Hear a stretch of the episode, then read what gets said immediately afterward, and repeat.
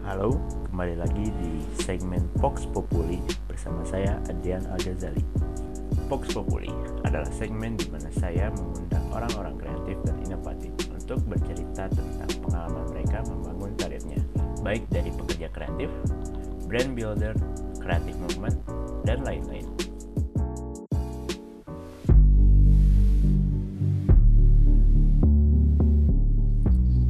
Dari sekian banyak orang yang saya temui untuk berbincang di podcast ini, semua tinggal di Pengalengan, kota kelahiran saya. Kali ini, saya kedatangan tamu, bukan dari Pangalengan, melainkan dari luar Pulau Jawa. Ia adalah Adit, ia lahir di Lampung, terlahir di lingkungan petani termasuk orang tuanya, membuat Adit membentuk bisnis kopinya sendiri. Saya pun tertarik dengan latar belakang bisnis yang ia kelola dan juga proyek yang sedang dikerjakannya. Apa yang Adit kerjakan dan juga apa yang sampai ia datang ke daerah Pangalengan.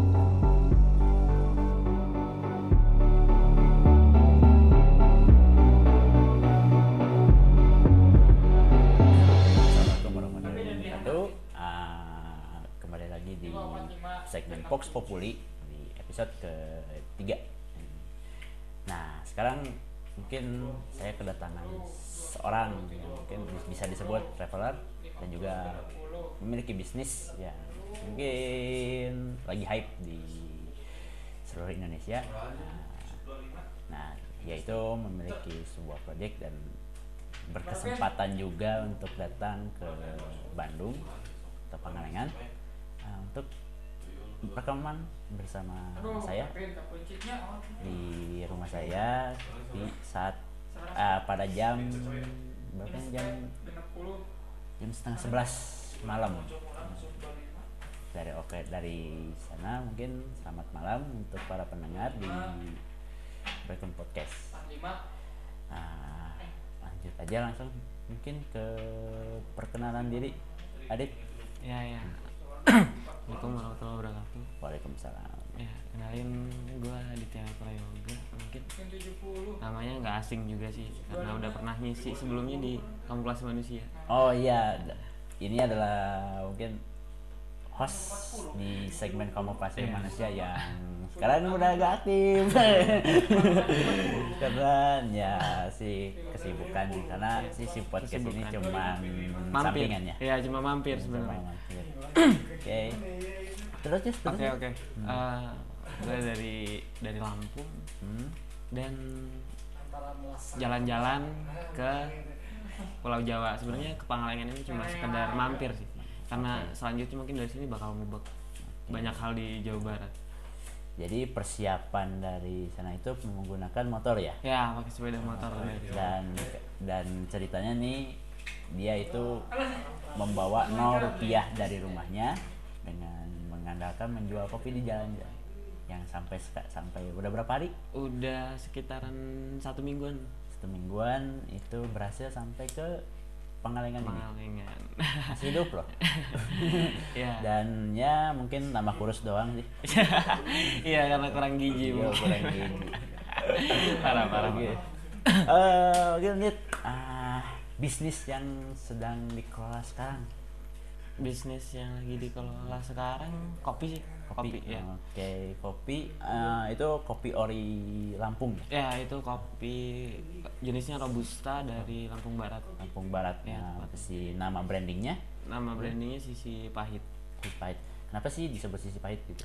Sisi Pahit karena kopi itu selalu punya cerita dari dari sisi lain gitu. Oke. Kalau di kopi itu kalau kita lihat dari sisi lain bukan cuma minuman itu Hmm. ada banyak banyak kayak kepahitan gitu. Jadi Oke. sisi pahit kopi. Jadi filosofi si namanya Iya, itu filosofi. lebih ke apa? Rasa ya, rasa dan juga ya Proses, luas. proses, proses di baliknya. Oke, oke. Ini ah, mungkin kita ngobrol tentang kesibukan sekarang nih di ah di sekarang nih. Ya. kesibukan sekarang nih. Kesibukan sekarang lagi ngerjain project, Project. Nah, nama proyeknya itu petani jalan-jalan. Oke. Itu tujuannya sebenarnya dari Lampung sampai NTB. Oke. Cuma itu nggak full perjalanan karena saya juga kayak ngelakuin riset di setiap daerah yang saya singgahin. Oke, jadi sti- di setiap singgah ke sebuah daerah itu mungkin ngobrol-ngobrol sama Ngobrol-ngobrol ya tentang Ah, kultur, budaya mungkin. Oke. Ya sedikit-sedikit belajar lah. Oke, ini si ngobrol itu, si ngobrol ngobrol atau juga singgah itu Hmm. teh gak terbatas mungkin di kafe di kafe doang atau juga eh, mungkin ke petani atau bagaimana? Itu universal sih. Universal. Ba- di semuanya lah, di teman, petani. Oke, Pokoknya siapa pun yang saya jumpai di jalan Oke. dan itu menarik buat diulik, saya. Oke. Eh, ini si mungkin saat ke suatu tempat gitu ya. eh, itu gimana sih ceritanya bisa sampai bisa ngobrol sama si itunya si pemilik kedai atau juga sama petani itu gitu? Sebenarnya itu karena yang pertama karena project yang saya buat jadi Hmm. menuntut saya buat harus cekatan mencari informasi gitu. Oke. Yang kedua mungkin saya coba buat tinggalin malu, rasa malu saya itu di rumah. Oke. Disimpan gitu. di lemari. Jadi bang berangkat nggak bawa rasa malu. Oke. Jadi setiap pas ketemu ngajak ngobrol langsung gitu atau Iya, perkenalan dulu. iya. Itu diputus. Oke. Jadi eh, mungkin eh, jadi mungkin ke saat bertemu itu mungkin sapa dan juga gimana gitu. Ya iya iya nyapa. Kalau misalnya ini ngobrol ya dipancing-pancing lah ketika si orang itu memang asik diajak buat ngobrol dan obrolan dia menarik. Saya bakal ulik. Oke.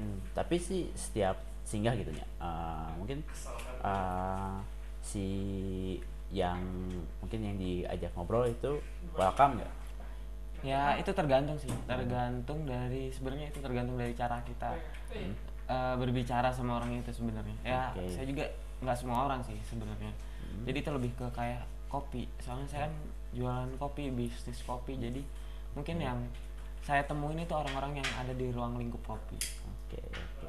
Eh, mungkin kita bisa ngobrol gitu ya. ah, dari bisnis gitu. Iya, dari iya. bisnis yang sedang dikelola gitu. ya. Ini awal mula bisnis yang dikelola oleh Adit itu gimana? ya?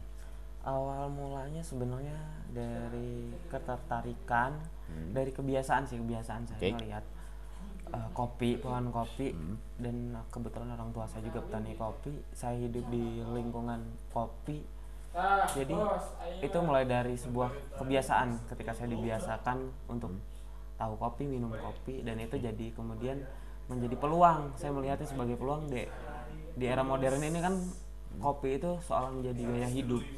Jadi saya mulai kayak nah itu melihat itu sebagai peluang Oh, saya jadi mungkin motivasinya itu karena orang tua itu adalah petani. Iya, ya. orang tua adalah petani. Nih, ah, mungkin kenapa sih ah, memilih bisnis kopi gitu ya?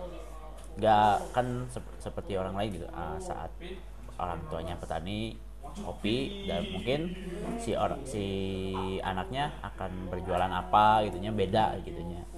Kenapa sih memilih gitu memilih kopi ini? gitu? Kenapa milih kopinya? Sebenarnya itu yang pertama bahan baku di tempat saya untuk kopi itu melimpah dan itu murah bisa saya ambil sendiri. Oke.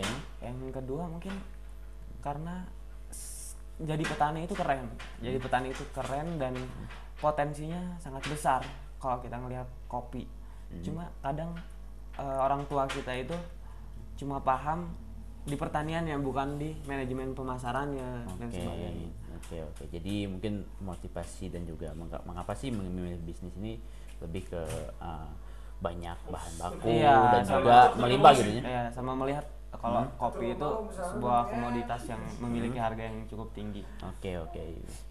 Dan mungkin di Lampung sendiri gitu, ya, kopi Lampung itu terkenal ya. Hmm. Ya, ya terkenal. Cuma ya, ya iya terkenal udah. Cuma, ya. cuma mungkin beda sih Beda. jenisnya sama yang di Jawa Barat ini. Kalau di sana itu kebanyakan robusta. Oke, oke. Ini uh, bagaimana sih perkembangan bisnis ini sekarang gitu? Perkembangan bisnis ya namanya juga ngerintis sih. Jadi Oke. itu emang benar-benar pelan-pelan. Cuma ya ketika kita ngejadiin pekerjaan kita itu sebagai hobi, Oke. kita cintai dan kita berjanji buat suka, itu sebenarnya ya fine fine aja sih. Ya lumayan lah lumayan menguntungkan buat saya mendapat Oke. kepuasan tersendiri. Oke oke oke. Mungkin si perkembangannya gitunya eh, perkembangannya ya. masih masih di bawah masih itu masih Iya, merintis ma- ya. bukan di bawah sih sebenarnya ma- masih, Masih merintis, merintis. gitunya. Masih merintis dan juga mungkin si kopi ini mungkin nama brandingnya tadi sisi pahit gitu. Iya, sisi filosofinya yang sangat dalam. Dan ya oke. Ini eh, si sisi pahit ini udah terkenal gitu di sosial media atau gimana gitu? Eh, untuk brandingnya Hmm. ya di sosial media ya.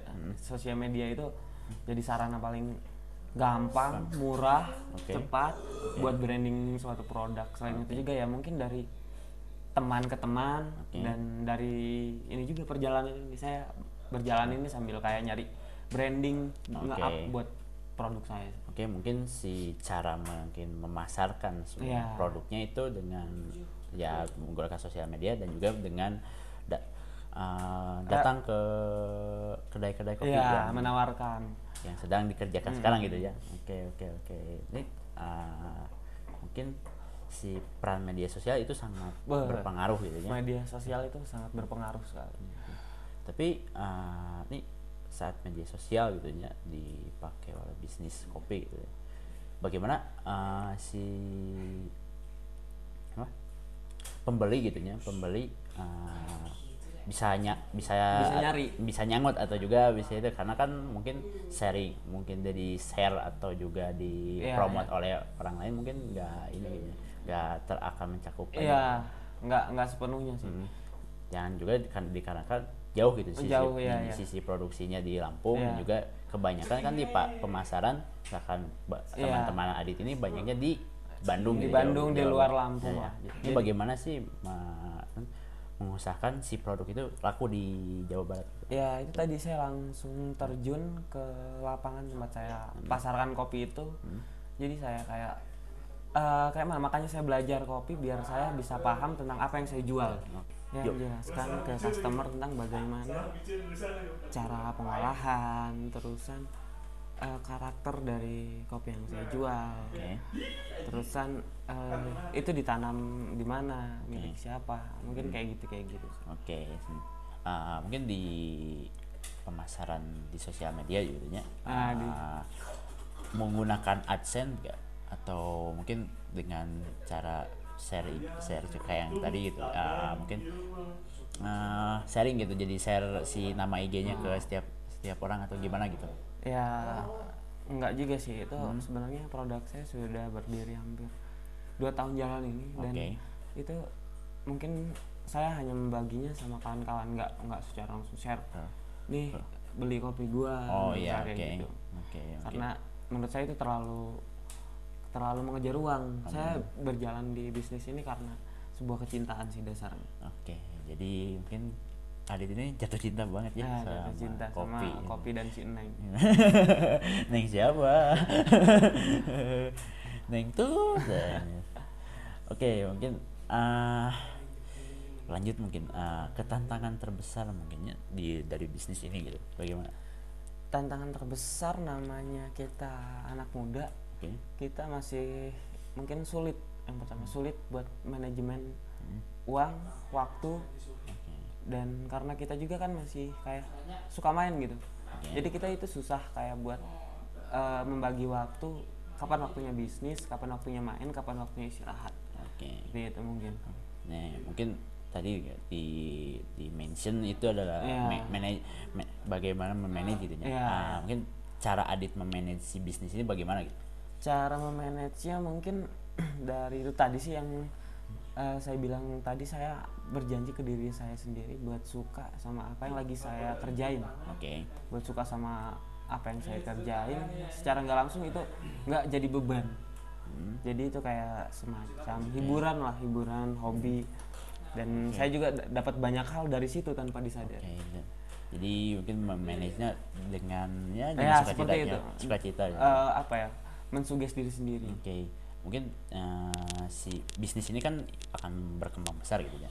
Be- pernah terpikir nggak untuk membuat eh, sebuah kafe gitu di di mana tempat namanya di mana gitu ya. Membuat kafe. Oke. itu sebenarnya belum kepikiran sih. Saya lebih tertarik buat terjun ke pertaniannya Oh, daripada ke kafenya. Saya lebih eh, suka buat menciptakan biji daripada gelas. Jadi lebih ke fokus ke fokus ke hulu gitu ya bukan di fokus- hilir ya, gitu ya. ya.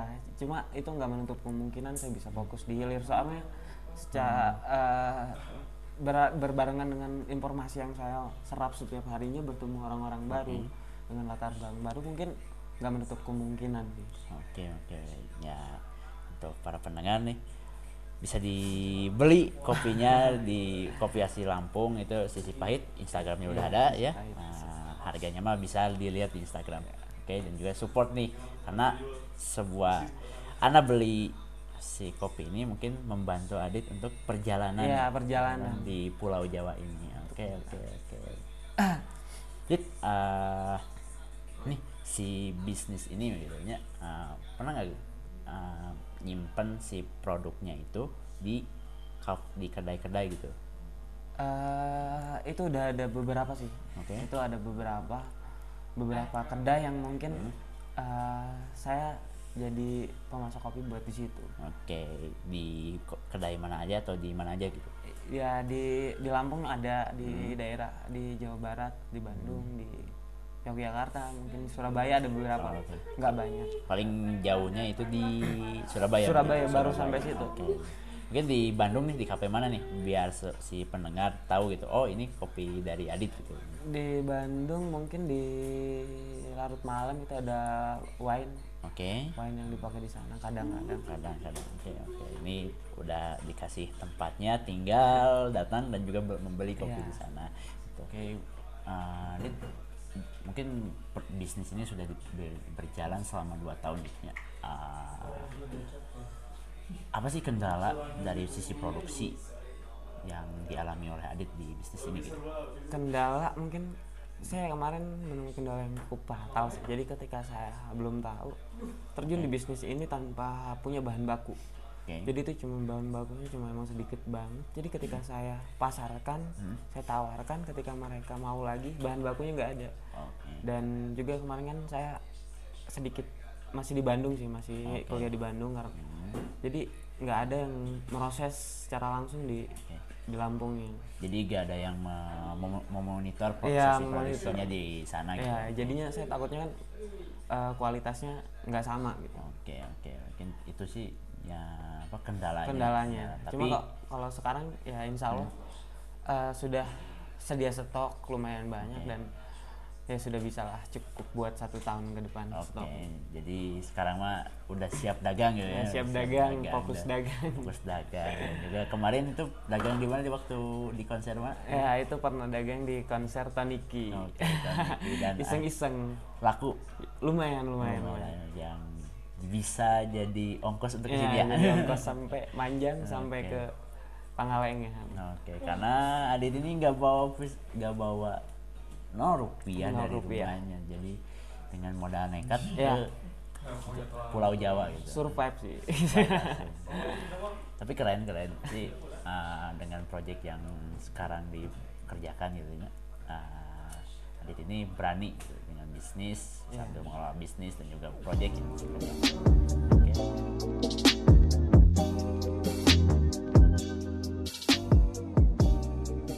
kopi mulai hype di Indonesia baik dari kalangan muda maupun tua, petani ataupun penyaji. Di kota Bandung pun banyak sekali kopi shop yang mulai bermunculan, termasuk di daerah Pangalengan sendiri. Bisnis kopi shop menurut saya sangat menguntungkan untuk saat ini. Bagaimana tidak, kopi sekarang menjadi minuman wajib bagi berbagai kalangan. Kopi shop ini tak terlepas dari produsen-produsen kopi. Para petani pun mulai menjual kopi siap roasting mereka ke pemilik kopi shop baik di daerahnya maupun luar daerah. Adit adalah salah satu petani muda yang mengelola bisnis kopi ini. Ia lebih tertarik di hulu karena banyaknya bahan baku di kampung halamannya. Oleh karena itu, ia patut dicontoh oleh kalangan muda yang ingin memulai bisnis atau karir menjadi petani kopi.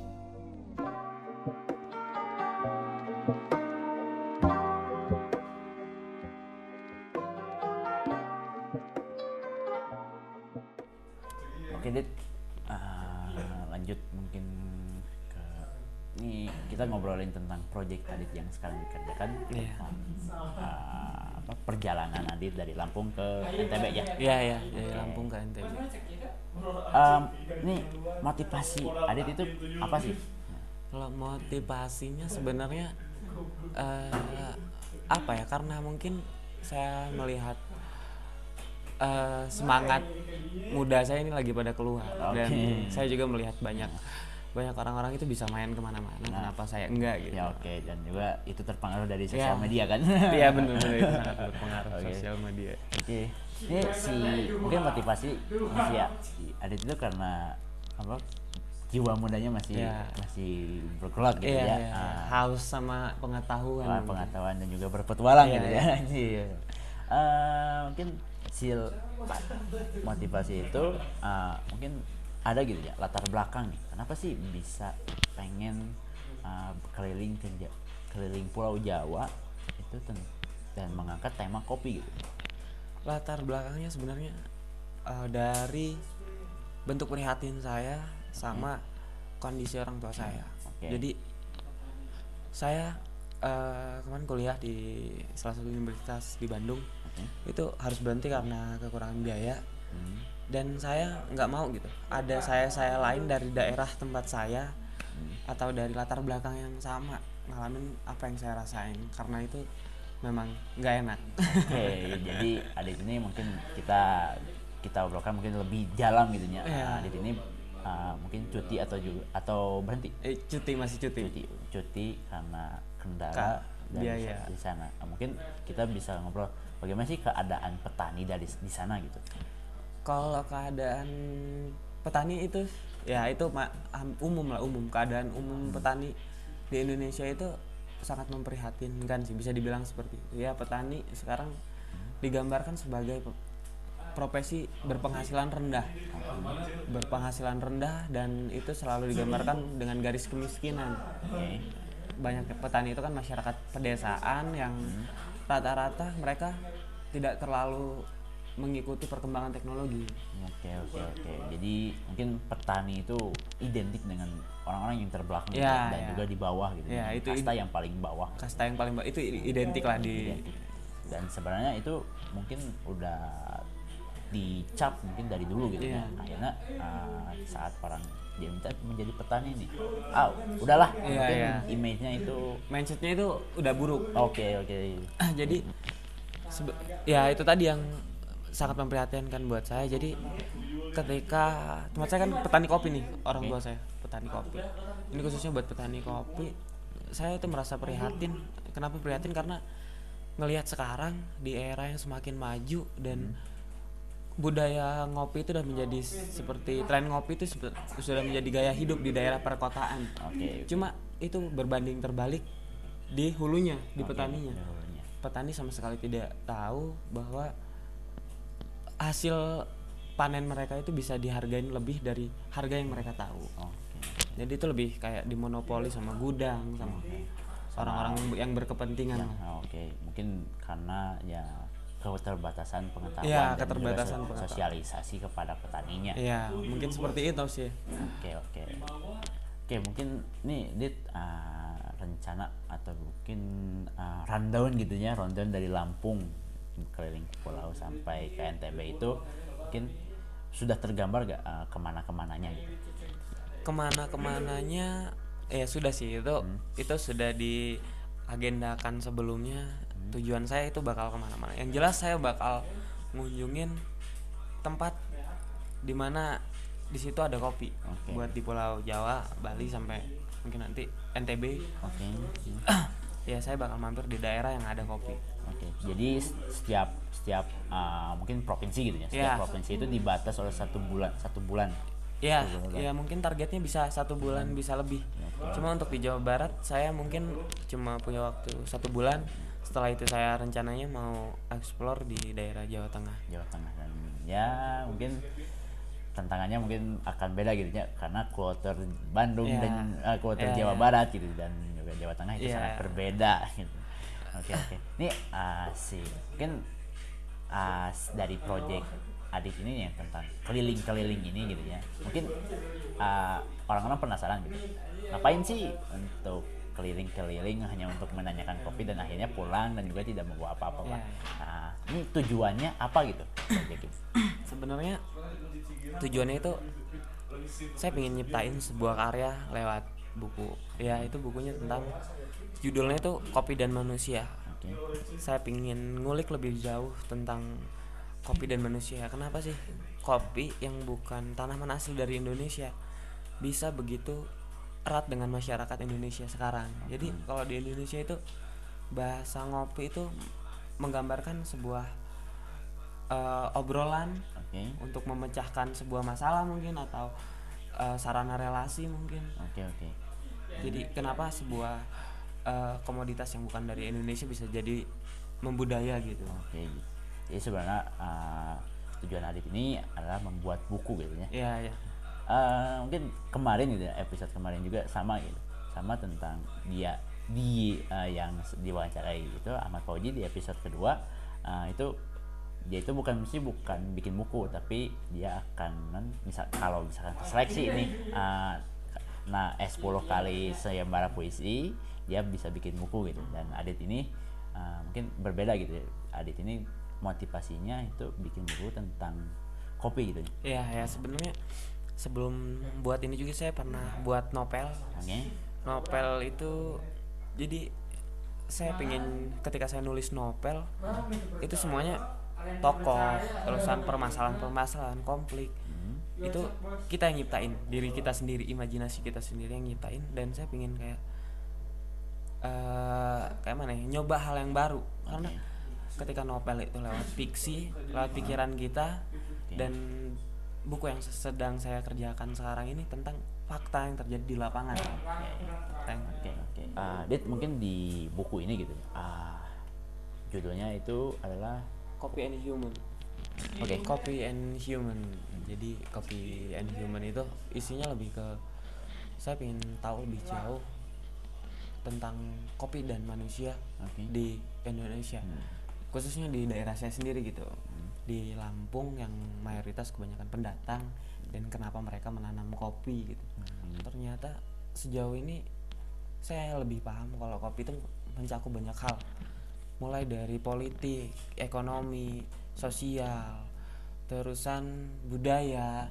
Secara nggak langsung kopi itu sudah menjadi budaya lah, hal yang di kebiasaan yang lama-lama menjadi budaya. Oke oke. Jadi mungkin si judul ini mengga- mengandung banyak aspek ya, Iya, dari banyak aspek. di buku ini akan wah gitu ya. Nggak usah.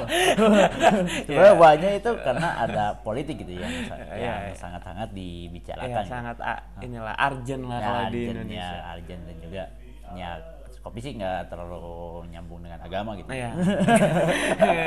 Iya enggak enggak. Iya. Tapi ya mungkin ah sebutnya sangat urgent gitu ya saat kita bicara politik dan juga kopi gitu ya. Karena kebanyakan ya yang tadi gitu ya saat petani itu di di dipandang si- sebelah mata dan juga Iya, iya. ditipu oleh Iya, iya. korporasi-korporasi besar gitu ya. Dan padahal gitu kalau ada ambil tangan pemerintahan ah, Itu mungkin nggak akan seperti itu nasib. Iya kan, karena kan mungkin bisa pemerintah ngasih sosialisasi gitu. sosialisasi. Kalau misalnya birokrasi yang terjadi saat ini benar, Hmm. itu mungkin nggak akan seperti ini kondisi kita. oke, karena ya itulah Iya, iya, iya, iya, ya. Indonesia. Sebenarnya gini aja, ah, ah, di Pangalengan sendiri gitu ya, ah, ada sih yang disebutnya komunitas gitu, ya, komunitas kopi gitu. Tapi mereka itu menyala mungkin menurut saya gitu ah, itu bukan menyalahgunakan sebenarnya tidak terlalu berpengaruh karena ah, para pedagang masih bersaing dan juga ah, para petani masih masih ter- tidak dikasih edukasi yang yang benar Iya, gitu. iya. dan akhirnya mereka mendapatkan uang yang sangat tinggi tapi ya pekerjaannya mana gitu. itu sih di kalau di Pangalengan gitu Jadi itu jatuhnya lebih ke kayak perseorangan mungkin, Perseorangan. pribadi lah. ya keperluan karena ya egoisme gitu ya egoisme sangat manusia itu sangat tinggi gitu oke oke mungkin um, masuk ke pertanyaan berikutnya dit. Kapan sih dirilisnya gitu si project ini ke publik gitu?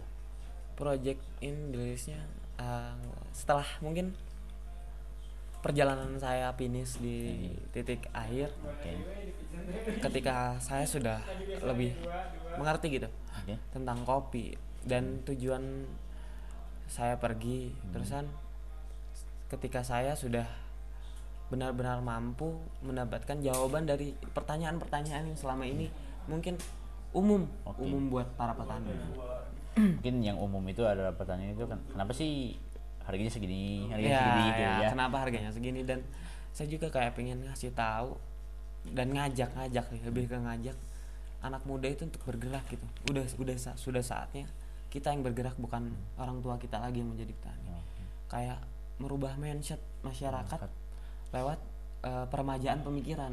Oke oke. Jadi target buat si buku ini saya menargetkan buat anak-anak muda oke. sebagaimana pemikiran mereka menghadapi menghadapi uh, isu-isu yang terjadi lah isu yang kita kan nggak mungkin cuma diem aja. Sebenarnya banyak sih dari banyak lah hampir semua orang itu menyerukan sebuah perubahan.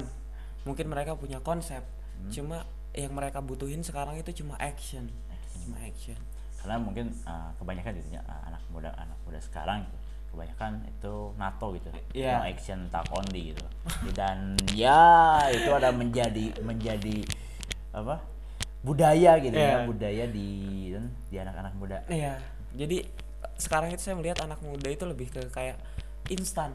ya itu Semuanya itu serba instan dan itu konyol.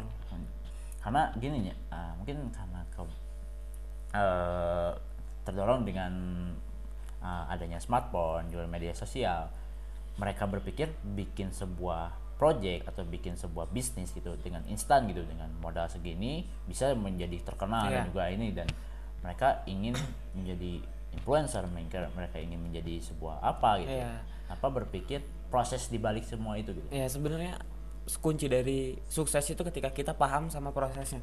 Oke. Kita ngalamin prosesnya, kita tahu pahit manisnya prosesnya.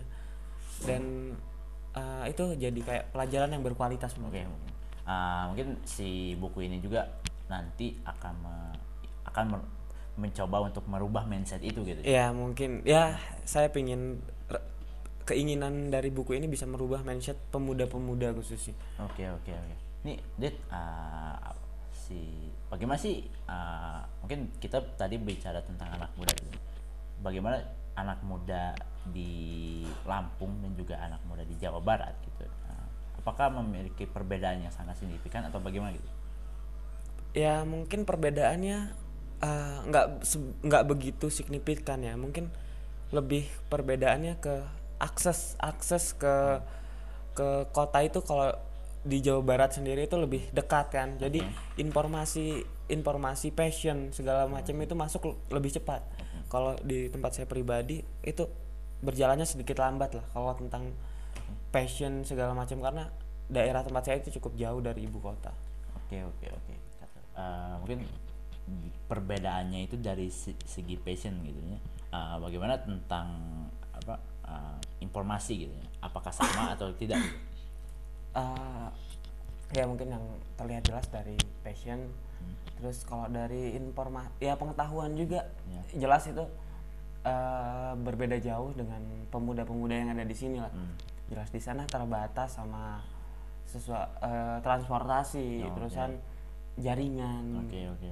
Eh, tapi kan yang berbedanya berbeda gitu ya di mungkin bukan berbeda yang jadi ciri khas gitu ya jadi ciri khas di Pulau Jawa itu eh, anak-anaknya yang mungkin eh, ingin instan gitu ya, ingin Iya, iya. instan dan juga proses proses tidak menghargai sebuah proses Iya, gitu iya. ya di dalam sebuah usaha atau juga dalam bisnis gitu. Nah di orang-orang Lampung bagaimana nih? ya sebenarnya eh, itu nggak jauh beda sih nggak jauh perbedaannya nggak signifikan apalagi sekarang ya sekarang zaman semakin maju yang di eh, masyarakat di perkotaan pun eh, kena efek yang emang benar-benar terlihat jelas gitu ya itu juga secara nggak langsung efeknya ngimbas ke kami-kami yang ada di pinggiran-pinggiran Oke. seperti itu. Oke oke. Ah, ini Dit, ah, mungkin si perbedaan dari anak-anak muda gitu ya di Lampung gitu dengan project Adit yang tentang buku untuk merubah seni Bandung mungkin harapan harapan Adit di di kampung Adit sendiri gitu ya uh, di Lampung itu uh, anak mudanya akan bagaimana gitu uh, harapan yang jelas harapannya saya ingin anak muda di desa saya itu mulai kritis ngelihat keadaan yang yang jelas itu merugikan kami sebagai petani kopi gitu okay. karena mayoritas masyarakat perdesaan itu mereka nggak kritis sama hal yang berimbas ke diri mereka sendiri okay. mereka lebih kritis kritis sama tetangga yang beli motor okay. tetangga beli mobil tetangga ngapain mereka malah lebih ngurusin tetangga daripada masa depan mereka sendiri oke okay, jadi mereka lebih lebih apa sensitif gitu ya kepada kepada orang yang sekitar daripada memikirkan diri ya, sendiri. mereka lebih sensitif sama isu-isu sosial yang terjadi di sekitar oh, mereka. Okay, Mungkin itu sih sama aja gitu, sama aja di di, di Pulau Jawa gitu. Dan akhirnya uh, mungkin merambat ke so, uh, sebuah kultur, ya, ya, ya, dan juga menjadi kebiasaan. Kebiasaan gitu ya. Dan akhirnya kan uh, anak muda di di Bandung sendiri gitu ya saat dia pakai pakai sepatu ini, ya, pakai baju ini dan, jadi, ini, dan akhirnya oh ini pengen, oh ini pengen dan akhirnya menimbulkan sebuah sifat baru yaitu ya. uh, apa uh, sopaholik gitu. ya, jadi sopaholic. jadi setiap itu belanja belanja belanja gitu, gaya ya, hidup lah gaya hidupnya gitu. mungkin ya itulah mungkin perbedaannya gitu ya perbedaan dan pernah gak dit uh, mungkin merasa bahwa di misalkan kan pernah di Bandung nih uh, pernah gak lihat si orang atau juga si anak muda gitu ini si kenapa sih orangnya gini gitu uh, atau juga uh, stylenya gini gitu ya. pernah ya. merasa terganggu dengan itu gitu pernah gak? yang jelas pernah hmm. dan saya yakin semua orang juga mengalami hal yang pernah juga hmm. kan cuma itu tergantung sama kita diri kita masing-masing sih ketika hmm. kita ngelihat itu sebagai sebuah percontohan hmm. kita bakal berambisi buat nyontoh si orang itu okay. dalam tanda kutip passion passion, okay, passion. gaya hidup passion okay cuma kalau ketika kita melihat itu sebagai uh, isi kepala mereka dan hmm. uh, tanpa kayak mana kayak kita punya pendirian sendiri gitu okay. punya jalan sendiri okay, menurut okay. saya itu nggak nggak berpengaruh sih hmm. nggak hmm. berpengaruh tentang passion atau gaya hidup atau hmm. lain sebagainya. Oke okay, oke. Okay. ini mungkin dari perjalanan Adit dari Lampung sampai sini gitu dari mungkin sudah singgah ke beberapa kota gitu ya kota. Iya iya. Apakah perbedaannya sangat signifikan gitu atau bagaimana gitu atau sama-sama aja gitu? Yang berbeda perbedaan yang sangat signifikan itu kultur budaya mungkin. Kultur budaya, kultur budaya di setiap okay. di setiap daerahnya itu kan berbeda-beda. Suku lah suku. Mm -hmm. ketika saya nginjak di Lampung di sana uh, banyak suku Lampung Padang Jawa Sunda ketika saya masuk ke pula di daerah Banten okay. di sana banyak suku-suku uh, apa banyak pendatang-pendatang dari luar kota di okay. daerah Tangerang itu yang bekerja di perkotaan yeah.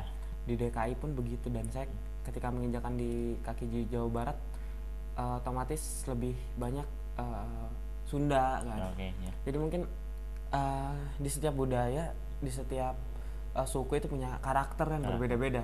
Di setiap daerah pun uh, masyarakatnya berbeda-beda bagaimana mereka uh, bersosialisasi dengan orang nyamannya di mana itu kan beda-beda. Jadi mungkin uh, itu menjadi bahan juga gitu untuk di buku Adit itu sendiri ya? Ya itu jadi ya mungkin jadi bahan bahan dalam artian bukan bahan yang saya kaji lebih dalam. Ya. cuma lebih ke cerita gitu ya, cerita, cerita. yang akan dibahas iya, juga ya gitu yang bakal dibahas juga karena gini ya uh, mungkin sangat kultur di Indonesia sendiri gitu sangat beragam gitu. Yeah, yeah. yang membuat kita sendiri gitu uh, bisa harus ber setiap datang ke sini harus beradaptasi iya yeah, harus beradaptasi kultur ini kultur ini gitu ya mungkin dari mungkin ke depannya buku ini ya saat jadi kita akan mendapat gambaran gitu ya yeah, yeah. dari sana gitu ya ya sebenarnya itu kayak gambaran garis besar kopi dan manusia di ketika semua kultur itu pasti ada kesamaan dari okay. mereka semua mungkin bakal ada kesimpulan di situnya juga. Oke oke oke mungkin uh, kita lanjut ke pertanyaan berikutnya ya. Kita udah terlalu dalam nih membahas tentang Godor gitu ya. Semakin dalam. Semakin dalam ini. Dit, uh, suka duka di project ini apa? Suka dukanya itu sebenarnya dari diri sendiri sih yang hmm. emang benar-benar itu kayak kayak benar-benar dapat tantangan terberat itu kayak saya punya konsep dan saya ingin merubah mindset orang gimana caranya mereka itu bisa ngerubah pola pola sebuah pola yang sudah menjadi budaya gitu. Dan itu harus gimana? Dimulai dari diri sendiri. Nah ngeyakinin diri sendiri yang susah yang menurut saya itu tantangan terberat. Cuma ketika diri saya sendiri sudah yakin dengan itu dan sudah yakin dengan proyek ini mungkin eh, suka duka yang lain di jalan mungkin ketika menghadapi eh, trek jarak jauh kan itu ada capeknya juga Oke. ada takut begal ya Oh, iya. kalau di trek Lampung ya di trek Sumatera saya takutnya sama begal Dan- tapi sih sebenarnya di Bandung juga Iya, banyak sama. sih kan. Mungkin- kita harus hati-hati sebenarnya Ses- sesuatu di jalan itu yang Iya. buat saya takut sama mungkin suka dukanya yang kalau diceritain banyak juga sih kayak saya kebingungan harus tidur di mana terus saya harus besok harus makan apa Ah, gitu. cuma saya selalu kayak mana ya selalu yakin ketika kita ngejalanin sesuatu dengan totalitas itu rezeki bakal datang ke kita Oke, jadi sebenarnya eh, lebih ke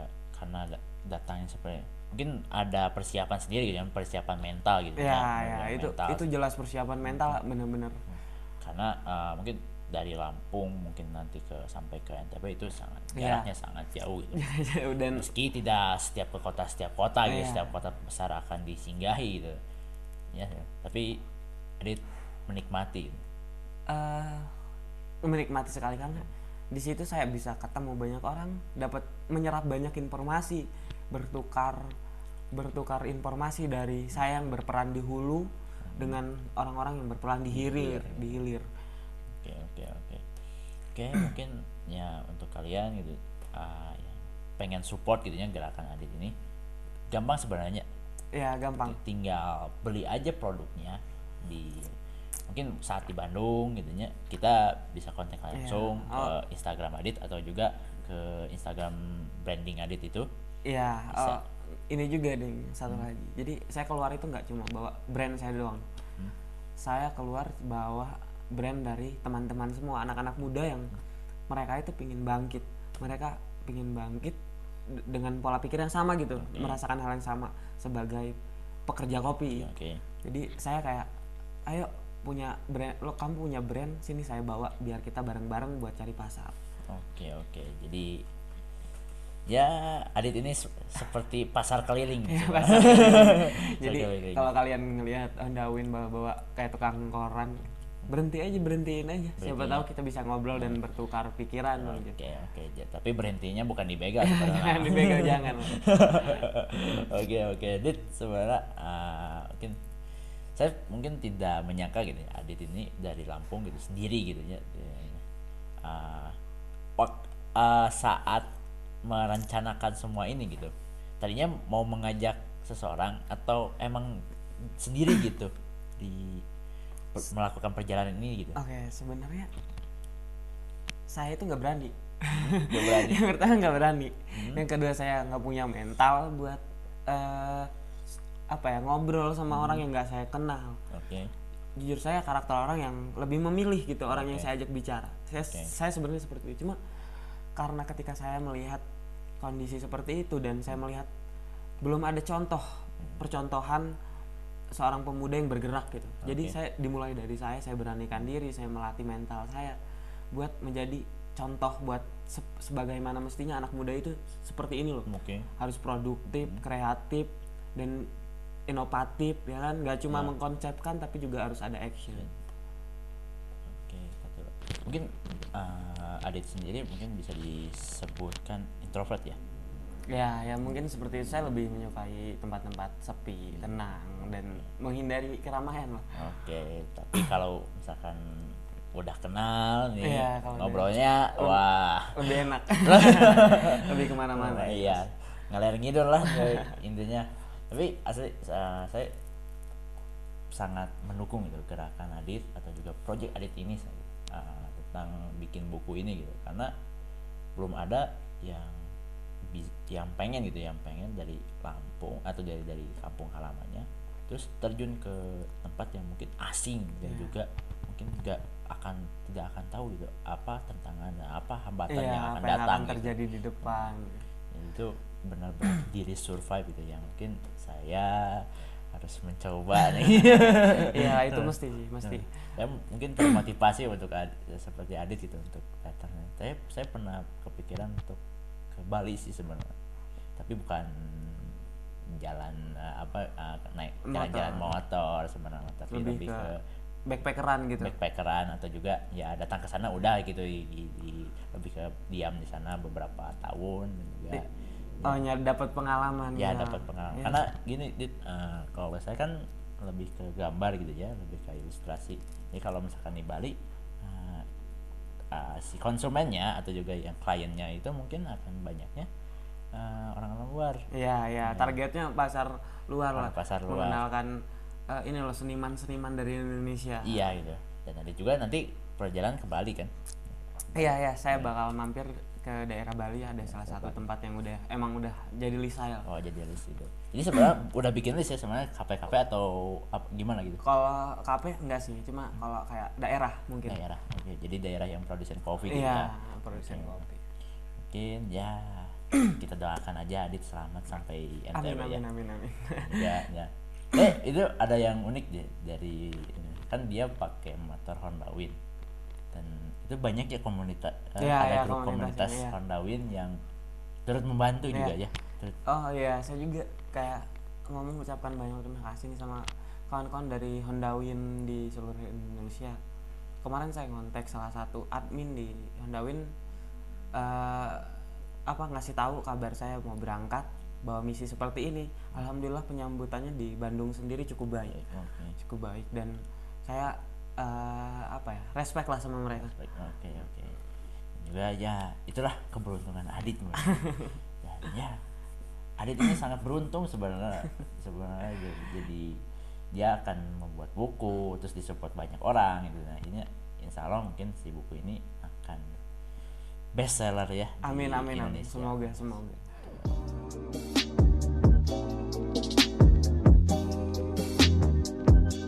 Dari sekian latar belakang dari Project Edit ini, yang membuat saya tertarik ialah tentang keadaan tren kopi dari hulu ke hilir.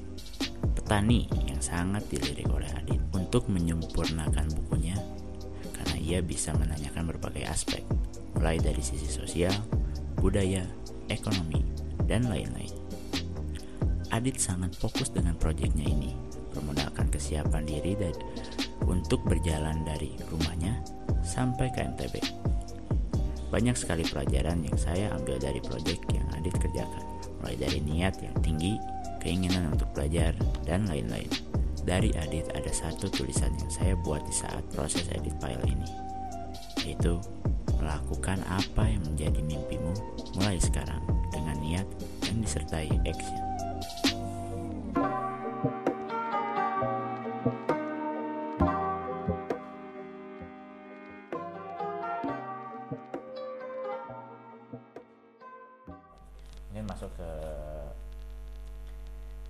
Akhir gitu, akhir pertanyaan dan juga akhir dari perbincangan kita ini yang sangat Iya, iya, ke mana-mana.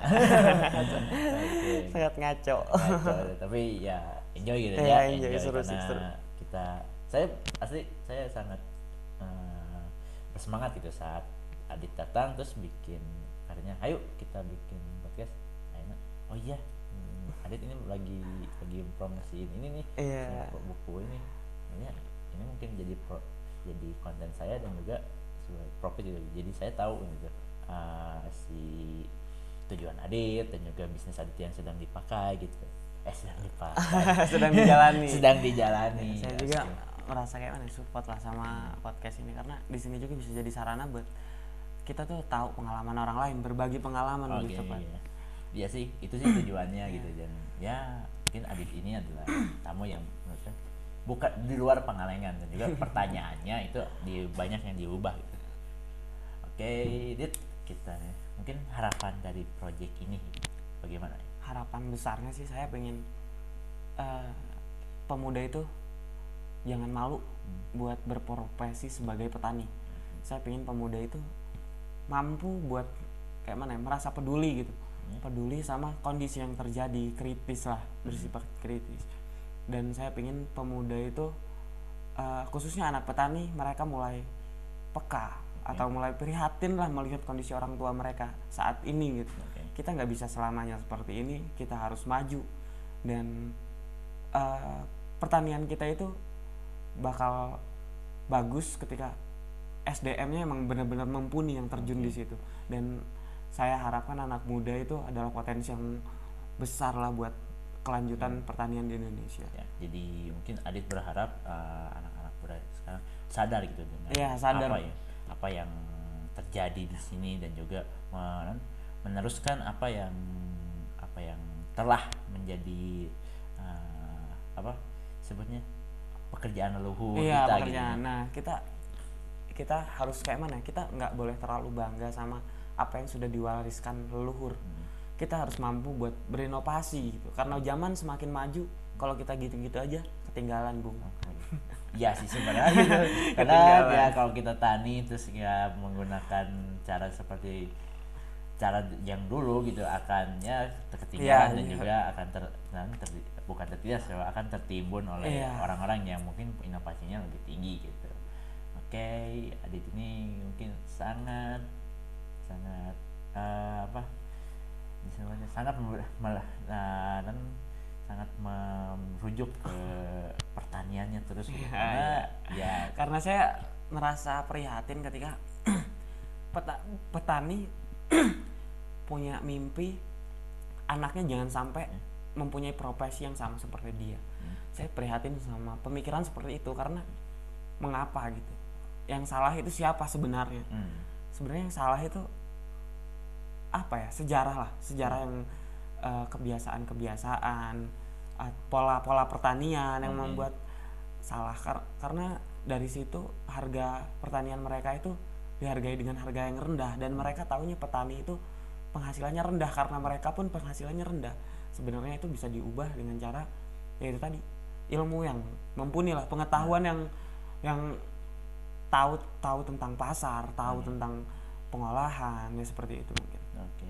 Ya mungkin ki- dari kitanya sendiri gitu dari dari anak mudanya sendiri yang Iya, harus ada- sadar gitu ya. Ya karena merubah sebuah pola pikir itu menye- me- mensenadakan pemikiran itu nggak gampang. Ya, ya itu perlu proses dan perlu kerja keras yang jelas. Maka dari itu saya pingin gimana caranya sih saya ketika saya pulang saya bisa menghasilkan sesuatu buat tempat saya. Oke. Saya bisa menghasilkan sesuatu buat anak-anak muda saya bisa menciptakan sebuah wadah yang punya power. Maksudnya power power buat nge- apa ya ngebantu saya ngerubah mindset mindset anak-anak anak muda yang di sana. Nggak cuma di sana sih ya di semua tempat yang saya singgahin. Oke, cita-cita Adit sangat tinggi dan juga ya mungkin kita harus doakan ya, Iya. doakan. yang jelas itu nggak bisa dilakukan sama saya sendiri. Saya jelas butuh support dari kawan-kawan. Oke, Ya, inovasi Adit mungkin akan bisa tersebar gitu ya ke seluruh pen- penjuru Indonesia ya. Iya, iya. karena mungkin yang dirasakan Adit ini mungkin bukan di daerah Adit sendiri, mungkin daerah yang lain mungkin ada juga yang seperti ini, Iya. yang mungkin bukan dari sektor kopi doang, sektor pertanian, mungkin dari segala aspek. yang jelas kita kalau memang ada seperti itu kita berarti sama-sama peduli dan ayo kita bangun ini sama-sama semangat eh, terus berjuang Oke, pilih nomor tuh. Anjing, jadi Eh, jadi jadi pem- kampanye kan Aduh, untung ini podcastnya netral. Oke, Dit, mungkin pertanyaan selanjutnya gitu ya. Kalau kita lanjutin, ah, nih rencana nih, mungkin bisnis Adit nih, bagaimana sih ke depannya gitu? kalau buat bisnis saya berharap saya punya pasar yang bisa yang bisa yang dikenal luas lah produk saya bisa dikenal luas sama banyak orang. Dan saya juga kayak punya target sendiri gitu. Saya harus bisa ngeluarin sekian barang buat supaya saya bisa kuliah. Oke, kalau- sebenarnya itu jadi kayak tantangan tersendiri gimana gimana caranya saya biar bisa kuliah dengan biaya saya sendiri mungkin mungkin dengan memanage ya penghasilan eh apa pendapatannya Pendapatan. juga gitu ya ya Adit akan terbagi gitu ya Iya. dengan mengurus si project ini dan juga mengurus eh, biaya biaya kuliah dan juga Biaya bisnis kuliah, ini iya. gitu. tapi Dit eh, mungkin sebenarnya ini ya mungkin pertanyaan yang sangat besar gitu apakah Adit nanti setelah setelah beres melakukan project ini akan langsung ke penerbit atau mau dipublish sendiri gitu dengan indie gitu uh, kalau untuk itu saya uh, belum tahu sih sejauh ini ya karena ya kemarin juga sempat dapat informasi tentang penerbit tentang Hmm. penerbit indie seperti apa cuma uh, saya yang jelas saya nggak mau buku ini terbit untuk kepentingan sepihak oke saya ingin buku ini diterbitkan memang benar-benar murni gitu ah ya semoga saja nanti saya bertemu seorang yang punya kenalan penerbit Oke, iya benar benar. amin amin amin Amin amin. Mungkin buku ini akan dari rakyat Ya. oleh rakyat. Dari ra- dari petani untuk petani Oke, dari karena pe- gimana ya di tempat saya sendiri eh, penghasil kopi cuma belum ada buku yang memang mengupas kopi dalam segala Ah, aspek betul. Oke, iya. Itu sih yang jadi mungkin menurut saya sangat menarik gitu ya. Iya. Konsep Adit itu sangat menarik. Oke, mungkin jadi eh, ini pertanyaan saya- bukan pertanyaan selanjutnya sih. Eh, harapan bagi para petani kopi di seluruh Indonesia itu gimana? harapannya semoga eh, para pekerja kopi makin sukses dan makin apa ya makin dihargai gitu. Oke. nggak cuma si barista aja yang terkenal. Dalam artian terkenal menyeduhkan kopi karena setahu saya si yang berperan aktif buat menciptakan rasa kopi itu petani yang pertama. Itu 60% dari petani 30% dari roastery 10% dari barista. Dan gimana caranya eh, semua para pekerja kopi ini nih paham gitu paham sama kondisi yang terjadi entah itu dari hulu ke hilir hilir ke hulu maksudnya dari barista ke petani petani ke barista ya mungkin saya ingin lebih ke seperti itu harapannya gitu bisa tahu terbuka gitu. Dan saya juga berharap gimana caranya si peminum kopi itu tahu siapa yang menciptakan rasa yang mereka minum. Dan saya juga berharap eh, si petani juga mulai gimana prihatin mulai lebih memahami lebih kayak peduli sama apa yang mereka minum. Ketika mereka menciptakan kopi dengan kualitas baik dihargai terkenal di mana-mana kadang petani itu minumnya kopi yang reject. Oke. kayak sejenis kopi instan Oke. kopi-kopi yang kualitasnya rendah. Itu kan sebenarnya sayang gitu. Mereka punya lahan mereka ngolah kopi dan dijual keluar kenapa mereka harus minum kopi reject? Mungkin ki- mungkin tujuan Adit juga dari buku ini adalah mensosialisasikan kopi kepada semua kalangan iya semua gitu. kalangan ah, biar tahu gimana sih kopi dari secangkir kopi itu tuh punya proses yang panjang loh di baliknya. Ada ada banyak hal yang ikut loh di dalamnya budaya birokrasi bahkan ya kan? Oke jadi mungkin wah, buku ini akan menjadi sangat mungkin jadi masterpiece Adit gitu ya anjir. Masterpiece Adit. Jadi eh, mungkin eh, pertanyaan terakhir gitu ya sebelum penutup Eh, ini ya seharusnya sih sama sih ya, tentang bagaimana sih harusnya pandangan Pangalengan gitu. Tapi karena Adit ini bukan dari orang Pangalengan dan Iya, juga iya, iya. Tamu gitu ya dari Pangalengan mungkin nih pandangan tentang perkembangan di sektor pertanian Indonesia itu bagaimana sih sekarang? perkembangan di sektor pertanian di Indonesia itu eh, menurut saya masih kurang kurang jauh lah jauh dari kata jauh dari kata baik. Oke. jadi eh, kayak mana ya, perkembangan pertanian di Indonesia itu menurut saya ya se- seperti itu. Jadi petani itu seolah-olah dilarang pintar dan dilarang tahu. Sementara yang yang berkuasa di situ hanya hanya orang-orang yang memiliki kepentingan di situ. Jadi petani itu pasar ditutup pengetahuan tentang pasar ditutup tentang cara tani. Oke. seperti itu. Ya saya mulai ya saya prihatin gitu. Jadi saya mengajak kalian yang mungkin sadar akan hal ini ayo kita bergerak lewat hal yang paling kecil saja Oke. kalian merubah mindset diri kalian sendiri saja itu sudah cukup Oke, mungkin terima kasih Dit Iya. untuk semua pandangannya dan juga semua kita berbincang ini gitu ya. Oke, kita udah sampai di akhir akhir dan juga udah satu jam. udah satu jam kita itu ada capruk itu adalah eh, apa bisa disebut sebuah eh, apa tujuan gitu tujuannya Iya. kita ngobrol satu jam gitu karena untuk editingnya biar enak enak gitu dan juga mungkin mungkin masuk ke penutup dan ini ada sesi akhir gitu terima kasih Dit setelah menyempatkan diri untuk rekaman bersama saya Ah, iya, dan juga iya. berbagi cerita ya siap tentang proyeknya Eh, sukses tentang proyeknya di bukunya kopi dan manusia itu Iya, kopi dan manusia. ya dan juga bisnisnya lancar Amin amin amin amin. sampai nanti ke NTB amin amin. untuk kalian yang penasaran dengan perjalanan Adit bisa follow Instagramnya di Adi titik Prayoga Adit Prayoga. atau di petani jalan-jalan. petani jalan-jalan oke juga support Adit itu dengan beli produknya dan juga cegat sih eh, bukan dicegat sih sebenarnya ketemuan aja sih di mana di mana karena dia akan eh, singgah ke beberapa kota gitu ya beberapa Iya, kota beberapa di Jawa, kota. Di Jawa Barat. Oke terima kasih Dit. Ya. sekali lagi? Terima kasih. Eh, satu hal eh, panjang umur buat petani Indonesia. amin amin. Mungkin sekian dari episode ketiga Fox segmen Fox Populi. Assalamualaikum warahmatullahi wabarakatuh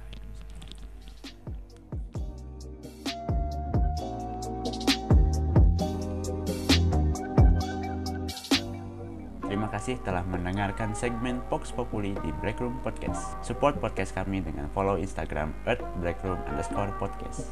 Untuk Anda yang tertarik menyisipkan iklan baik itu produk, jasa, dan lain-lain, Anda bisa mengirimkan email ke breakroomproject16 at gmail.com atau bisa juga dengan kirim DM ke Instagram Breakroom Podcast. Terima kasih.